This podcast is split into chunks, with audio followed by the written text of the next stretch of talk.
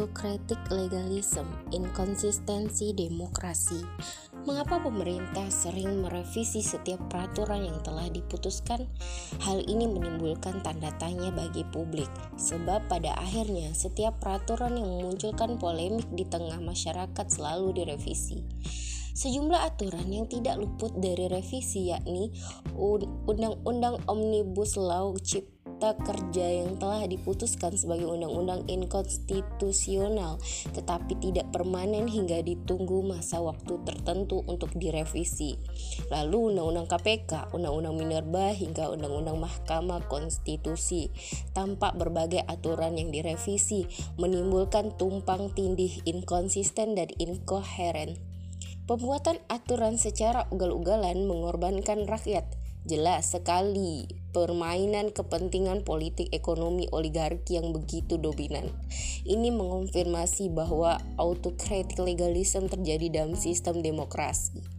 Autocratic legalism memiliki tiga ciri. Pertama, membuat aturan ugal-ugalan, tidak melibatkan publik dan tidak peduli proses formal pembuatan aturan.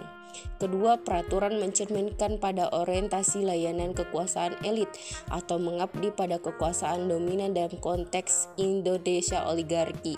Ketiga, penguasa berusaha mempertahankan kekuasaan atau legality.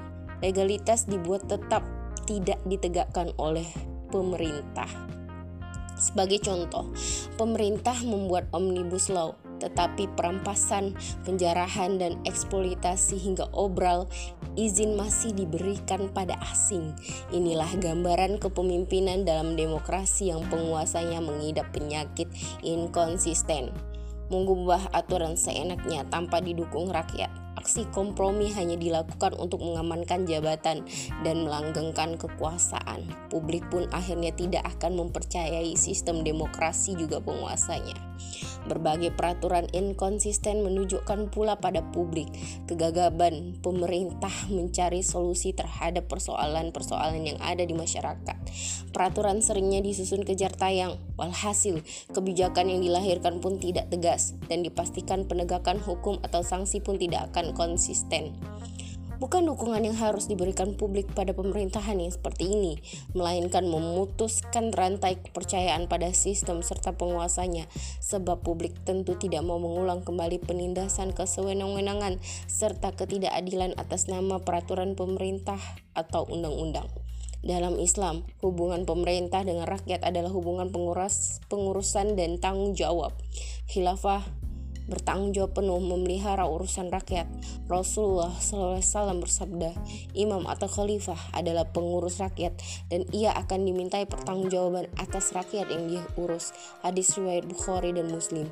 Kebijakan berbasis syariat diterapkan dalam bidang ekonomi, pendidikan, teknologi, dan politik sebab keempat bidang ini merupakan hal penting yang umumnya dijadikan sebagai indikator kemajuan suatu negara.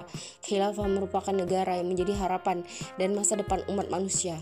Kepemimpinannya tidak pernah ugal-ugalan, memutuskan peraturan dan mengurusi rakyat. Islam yang diterapkan khilafah merupakan sistem pemerintahan yang akan membawa rahmat dan kesejahteraan bagi dunia.